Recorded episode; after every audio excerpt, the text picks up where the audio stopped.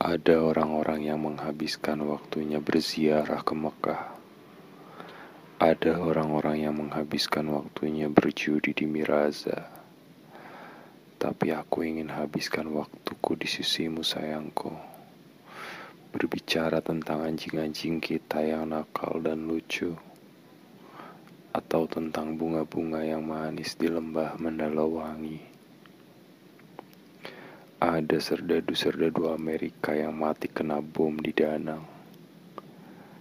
Ada bayi-bayi yang mati lapar di Biafra.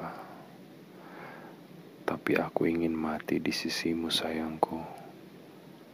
Setelah kita bosan hidup dan terus bertanya-tanya tentang tujuan hidup yang tak satu setan pun tahu. Kita tidak pernah menanamkan apa-apa kita takkan pernah kehilangan apa-apa.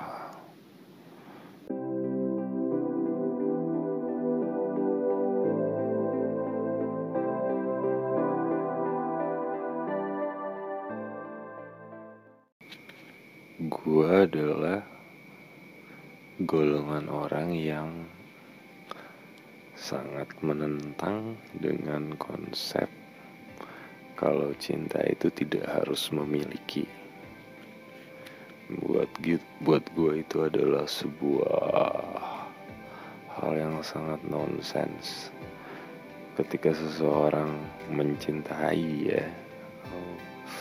Atau apa ya bahasanya? Kau mencintai kayaknya terlalu sinetron?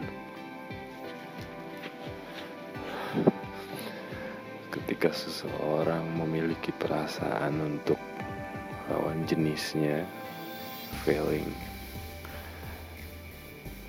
dia pasti pengen dia pasti pengen mendapatkannya gitu.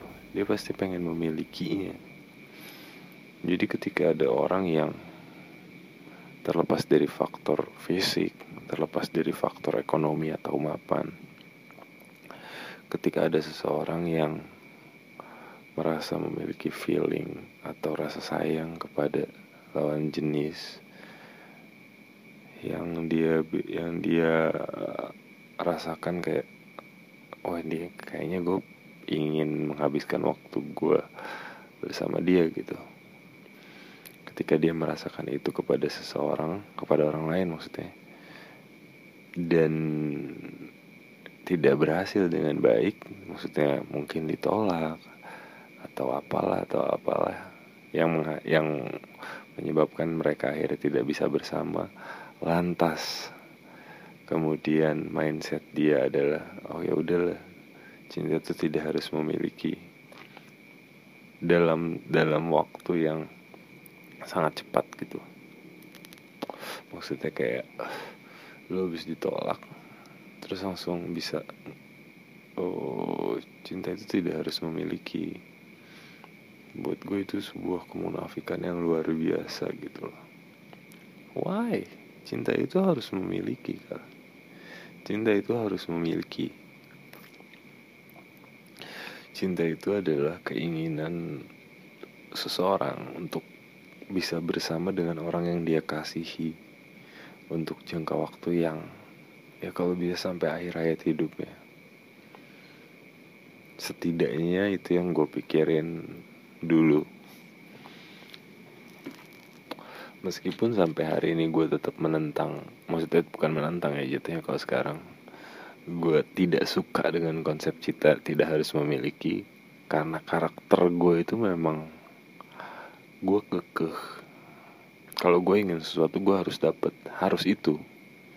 Gue nggak bisa pengganti gue nggak bisa menggantinya dengan merek yang lebih mahal atau kualitas yang lebih bagus.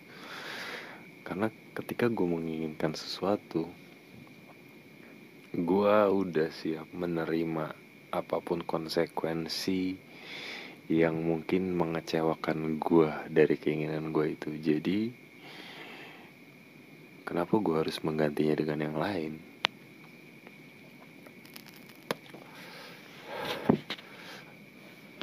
Seperti misalnya contohnya adalah gue menginginkan sepatu bermerek Nike gue pengen model Nike Mercurial misalnya buat sepatu bola. Terus budget gue kurang. Di saat yang sama ada sepatu lain dengan kualitas lebih bagus dan harga yang lebih murah. Misalnya itu ya. Terus gue kayak di udah lalu ngapain beli? Eh kena ngapain lu memaksakan diri lu untuk membeli Nike Mercurial itu. Sementara ini ada lo yang lebih bagus dan harganya lebih murah dari yang lo pengen. Gue nggak bisa. Gue nggak bisa. Gue tipikal orang yang nggak bisa oh mengganti apa yang gue inginkan. Gue lebih baik untuk menunggu sebentar lagi menabung lagi sampai uang gue cukup baru gue membeli barang yang gue mau gitu tertunda jauh lebih baik dibandingkan gue mengganti apa yang gue inginkan. Itu salah satu konsep yang apa ya yang nggak bisa gue tolerir dalam hidup gue.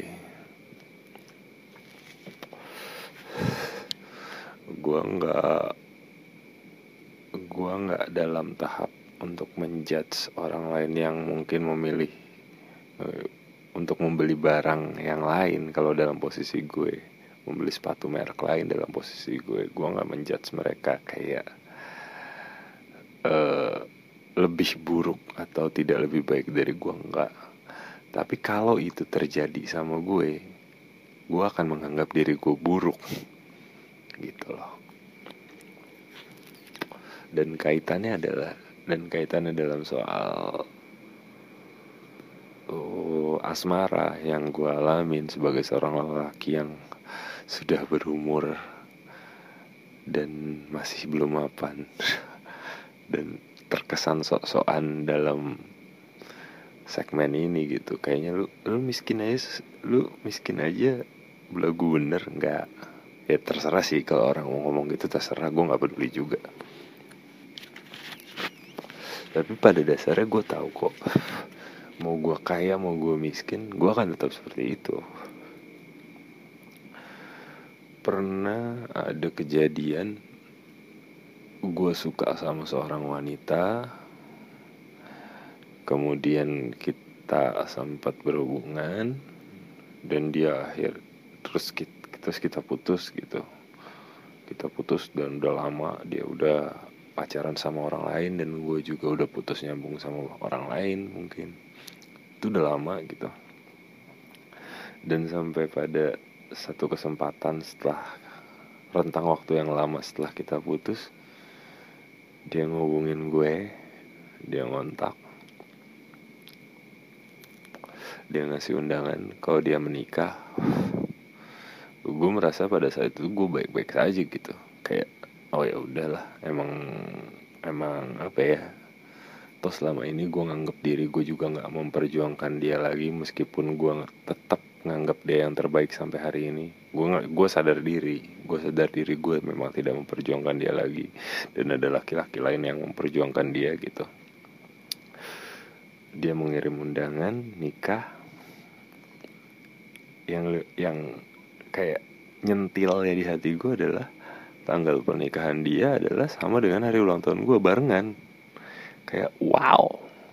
Entah kenapa entah kenapa jadi nge-trigger gue untuk flashback apa aja yang udah gue lakuin selama berpisah dari dia menganggap dia yang terbaik berhubungan dengan atau berusaha menemukan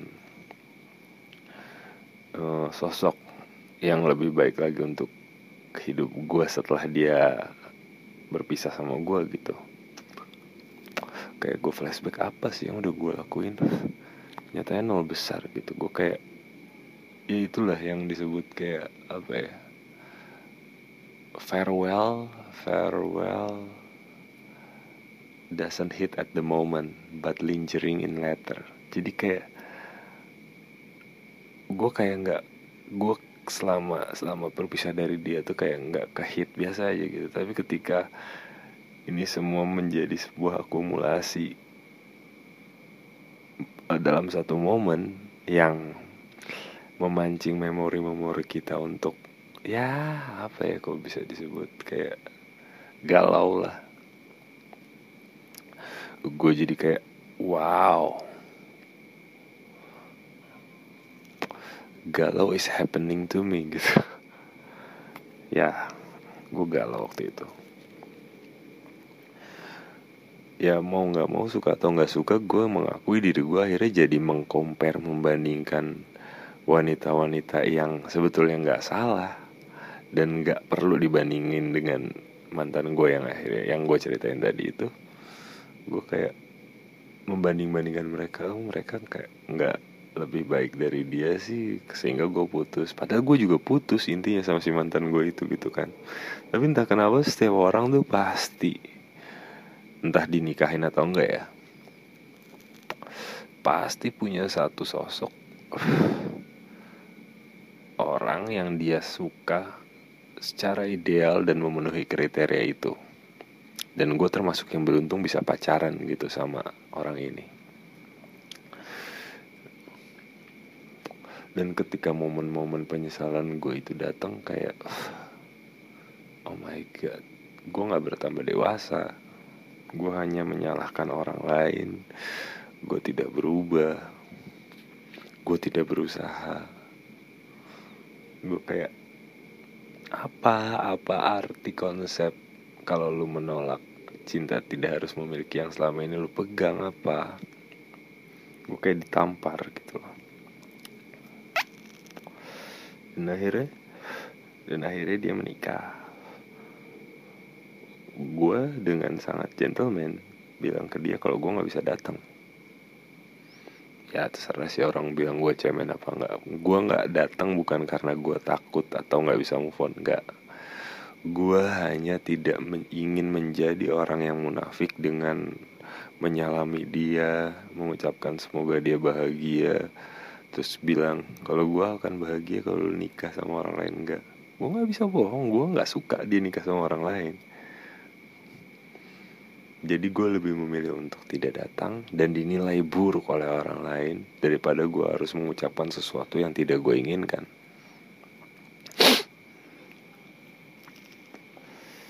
Dan sampai akhirnya kehidupan dia berjalan baik ya kita kayak ya biasa aja lah. Kayak nggak ada apa-apa gitu. Gue pun nggak setelah kejadian dia menikah di hari yang sama dengan ulang tahun gue gue kayak lebih oke. Okay, I need to grow up. Gue harus berubah gitu. Dia sudah sama orang lain sudah punya anak terlihat bahagia dengan suaminya. Sementara gue mikir kalau gue tetap di keadaan seperti ini ya gue yang bodoh gitu. Gue menyiksa diri gue sendiri. Buat apa ya kan? Sampai akhirnya gue kembali mencoba berhubungan dengan ya beberapa wanita lah. Ini bukan artinya gue kayak playboy nggak gue nggak pernah selingkuh dan nggak pernah ngedoain cewek. Cuman gue akuin gue pacaran kalau bisa apa ya gue nggak mau disebut sombong nanti. Tapi ya emang banyak gitu. Pernah berhubungan sama wanita dalam konteks pacaran tuh lumayan banyak. Terlepas dari kemapanan itu adalah kunci dalam pernikahan. Gue belum mapan-mapan tapi tetap songong berhubungan sama wanita. Gue kayak nggak menemukan uh, sosok si mantan gue yang tadi gue ceritain udah nikah ini gitu no no no no bukan artinya gue kembali lagi mengcompare nggak. Gue kayak cuman belum menemukan lebih tepatnya kayak gitu. Karena gue tipikal kenapa alasannya? Nah ini yang mau gue jelasin. Kenapa alasannya? Jadi gue tuh tipe orang yang sangat menikmati proses PDKT gitu. Dan gue rasa semua cowok pada umumnya juga merasakan hal yang sama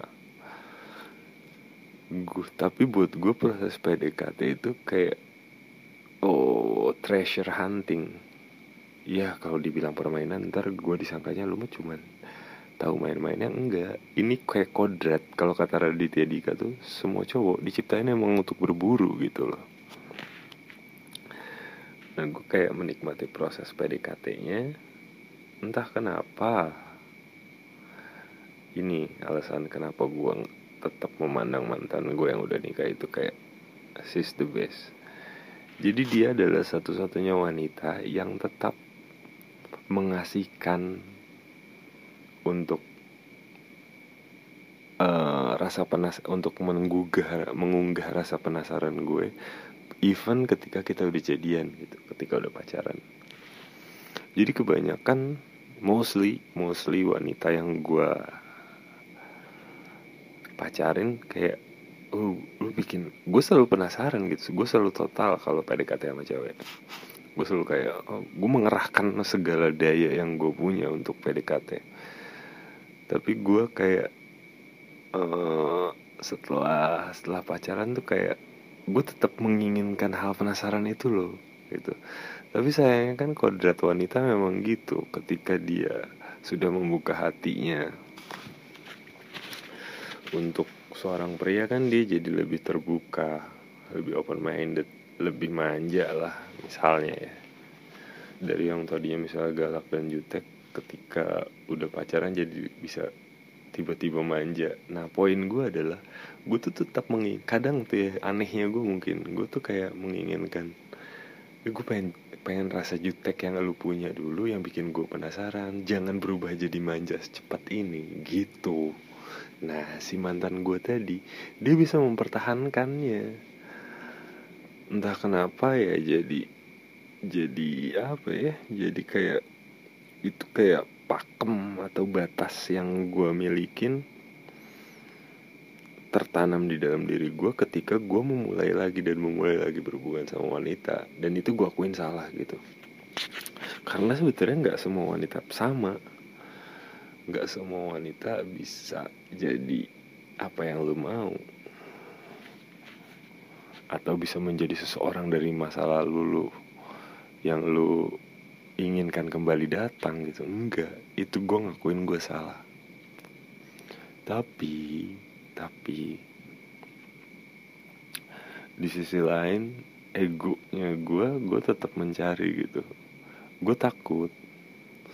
Gue takut apalagi kalau ngomongnya udah konteks pernikahan.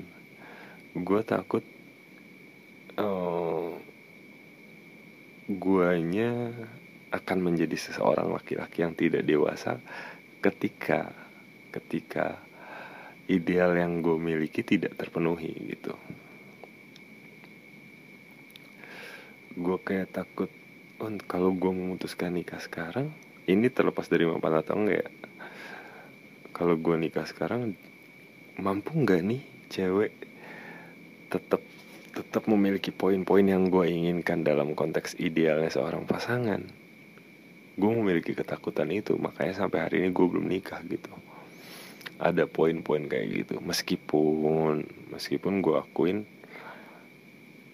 gue nggak berhenti nyoba untuk nyari sih. Kayak gue tetap meskipun gue punya ideal-ideal yang gue sebutkan tadi gue kayak tetap berusaha untuk gue nggak bisa stay walaupun gue tahu kaki gue keikat. Gue kayak sed walaupun kaki gue ibaratnya kaki gue di rantai gue nggak bisa stay di situ. Gue sekarang lebih kayak gue harus memutuskan rantai itu atau kalau perlu gue mutusin kaki gue setidaknya gue nggak stay di tempat yang sama. Dan proses itu pelan-pelan mulai membuahkan hasil. Gue tidak senaif dan sekekanak-kanakan dulu mungkin ya sekarang.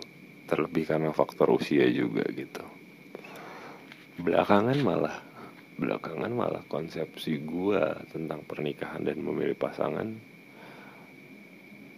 belakangan ini malah jadi jauh dari kata idealis yang gue punya dulu gitu kalau dulu gue takut kalau gue kalau dulu gue takut uh, pasangan gue tidak bisa memenuhi idealisme yang gue inginkan kalau sekarang gue takut kalau gue memilih wanita yang apa ya kalau disebut bahasa gampang ya wanita yang tidak aman gitu loh. Apalagi era medsos sekarang tuh kan rawan banget ya tidak aman tuh karena bukan karena si ceweknya nggak aman sih sebenarnya. Lebih ke guanya sendiri yang memiliki insecure. Gue tuh orangnya insecure. Sangat sangat insecure. Jadi sebelum wanita ini bisa gue percaya gue jadi gini loh. Oke okay, fine. Gue membuang sisi idealisme yang gue punya tapi gue ganti itu semua dengan lu bisa gue percaya apa enggak? Nah ketika itu berganti lucunya malah jadi kayak idealisme baru ya. Padahal sebenarnya gue kayak I move on I move on. I'm just a human gitu. Di sisi lain gue ngerti. Gue ngerti poin-poin kayak hmm, ini mungkin jadi batu sandungan yang sangat besar yang membuat gue tidak akan uh, bahkan mungkin tidak akan menikah gitu. Tapi di sisi lain gue tetap mencoba untuk memecahkan batu itu gitu kan. Ini nggak ngidul banget sih sebenarnya gue cuman gue kayak nyusun kata-kata itu kayak bingung sendiri. Ya nggak tahu sih pada ngerti apa enggak ya.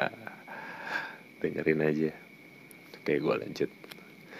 Insecure yang gue insecure yang gue uh, maksudkan di sini adalah ada triggernya juga, ada triggernya juga. Bentar minum dulu. Ada triggernya juga. Nah, triggernya ini adalah ketika pada suatu hari yang belum lama masih di tahun ini gitu. Di mana teman-teman gue udah pada banyak yang nikah, dan gua masih belum keluar rumah di suatu pagi tiba-tiba nyokap nanya nah gini mas kamu tuh nggak mau nikah apa? Kata nyokap kan. Uh, teman-teman kamu tuh udah pada nikah loh. Kamu nikah kek? Atau mau gimana kek? Masa sih nggak ada keinginan nikah? Apalagi adik gue kan udah nikah dan punya anak ya. Apa kamu nggak mau pengen eh, apa kamu nggak mau kayak adik kamu tuh udah nikah? Nyokap nanya gitu di waktu yang singkat atas pertanyaan nyokap itu otak gue tuh kayak melebur gitu kayak dileburkan dan berpikir iya juga kenapa? Gitu kan. Sampai akhirnya gue sam uh, sampai akhirnya gue menemukan jawabannya di waktu yang singkat itu gue jawab gini. Dan ini mostly semua laki-laki pasti ngerasain hal yang sama sih gue jawab uh, karena saya belum menemukan wanita yang seperti ibu. Gue bilang kayak gitu ke nyokap. Orang yang ya, mungkin akan akan pada baik lagi ya lu sekarang compare lagi sama nyokap lu. Dan itu malah lebih gila lagi. No. Ya terserah lagi ya terserah mau menilai gue kayak gimana terserah. Gue nggak uh, gue nggak dalam porsi untuk membela diri atau ngasih bantahan. Tapi emang selama gue hidup sampai hari ini akhirnya akhirnya kalau ngomongin ideal ketika gue semakin dewasa gue ngelihat emang sosok nyokap gue khususnya adalah seorang wanita yang sempurna gitu loh. Nyokap gue itu tough woman. Nyokap gue itu super woman ya gue bilang kayak tadi semua laki-laki akan ngomong kayak gini yang punya ibu gitu. Semua yang lahir dari seorang ibu pasti akan ngomong kayak gue tapi untuk alasan yang lebih spesifik dan lebih pribadi gue akan kasih tahu. Kehidupan keluarga gue tidak dalam zona perekonomian yang stagnan gitu pernah dalam satu kondisi uh, susahnya susah banget sampai nasi nggak ada uh, sempat dalam posisi yang berlebih lah. Nah kalau mau ngomong uh, sumber dari awalnya nyokap gue menikahi bokap gue adalah karena eh bukan karena nyokap gue menikahi bokap gue pada saat bokap gue posisinya belum mapan dan tidak bekerja. Entah apa pun alasannya gue nggak pernah nanya. Tapi toh pada akhirnya nyokap gue tetap yakin dengan bokap gue ini dalam faktor ekonomi dulu ya gue bahas. Untuk hal yang satu itu mungkin akan sulit dimengerti oleh siapa pun dan bahkan gue sendiri pun tidak memaklumi itu gitu sebetulnya. Tapi gue kayak wow nyokap gue ini extraordinary gitu. Kok kenapa lu mau? Kenapa lu mau menikahi seorang pria yang tidak mapan dan bahkan tidak memiliki pekerjaan saat itu? Tapi entah apa pun alasannya nyokap gue toh tetap mau menikahi bokap gue kan? Alasan berikutnya adalah nyokap gue adalah seorang mualaf. Nyokap gue adalah seorang Nasrani dibesarkan dari keluarga Nasrani bokap gue adalah seorang muslim. Ketika ketika menikah dengan bokap nyokap menjadi seorang mualaf.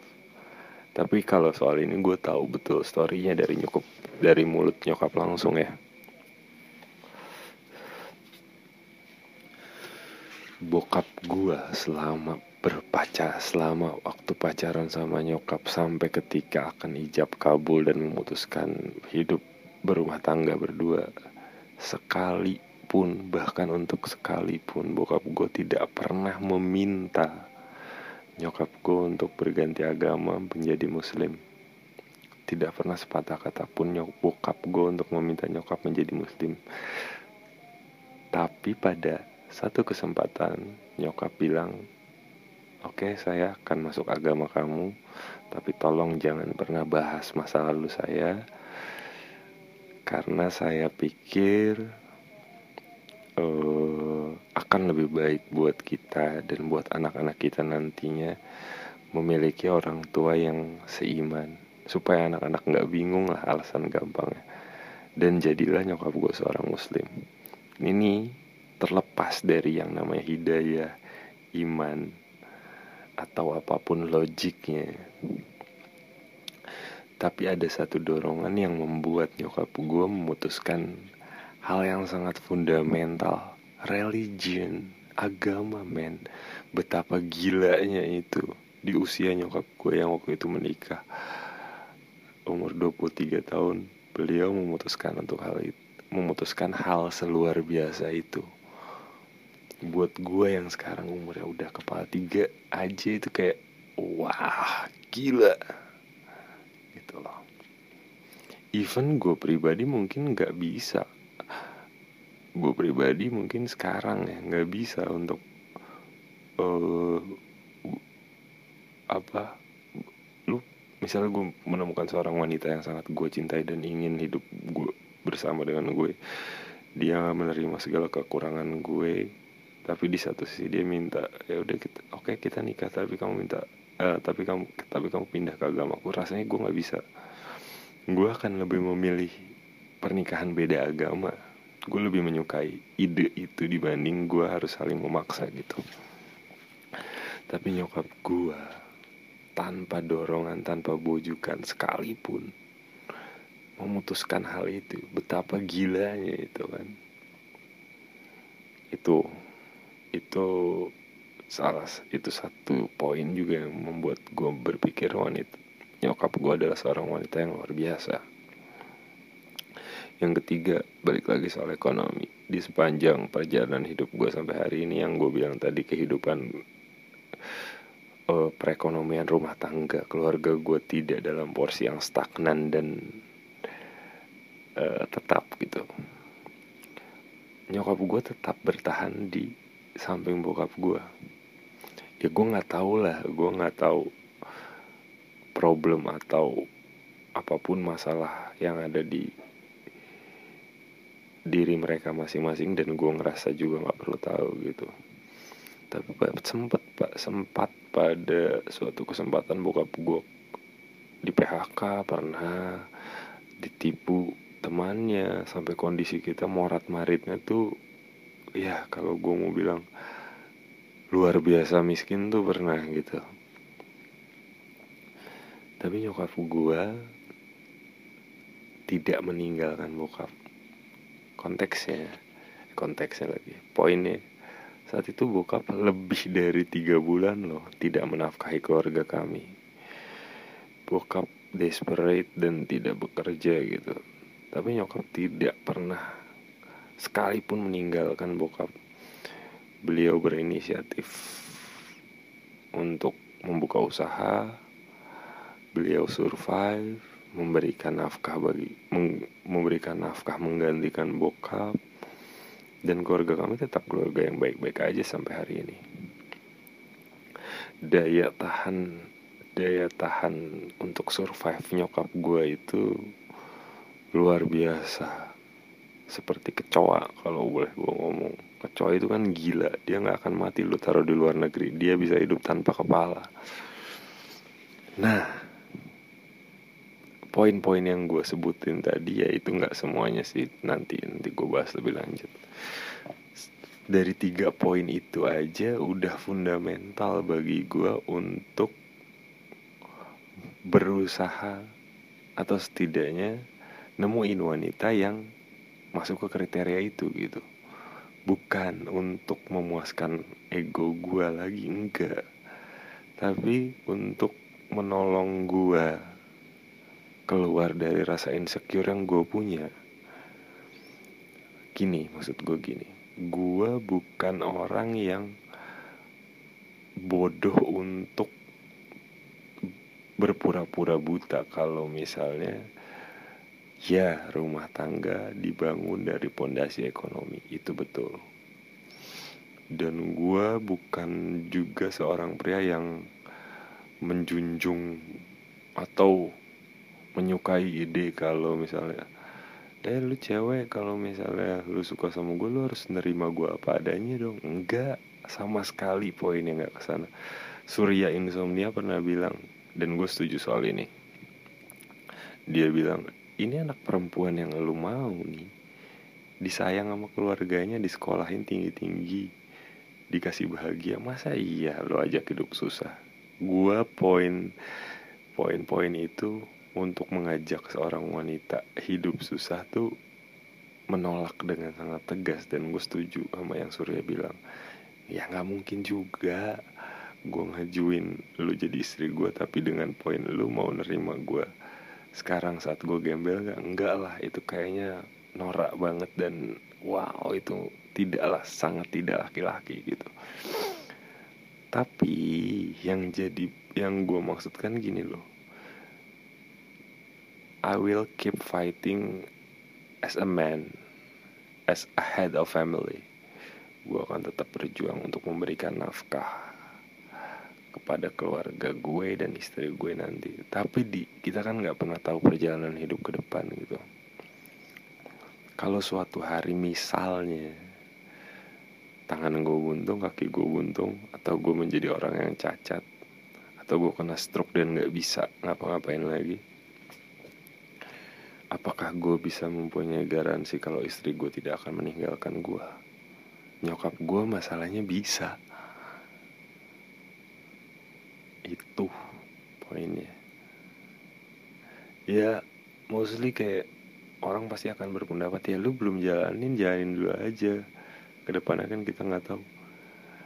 Itu dia karakter orang beda-beda. Gue udah jelasin dari awal kan. Kalau gue insecure, untuk hal-hal yang kayak gitu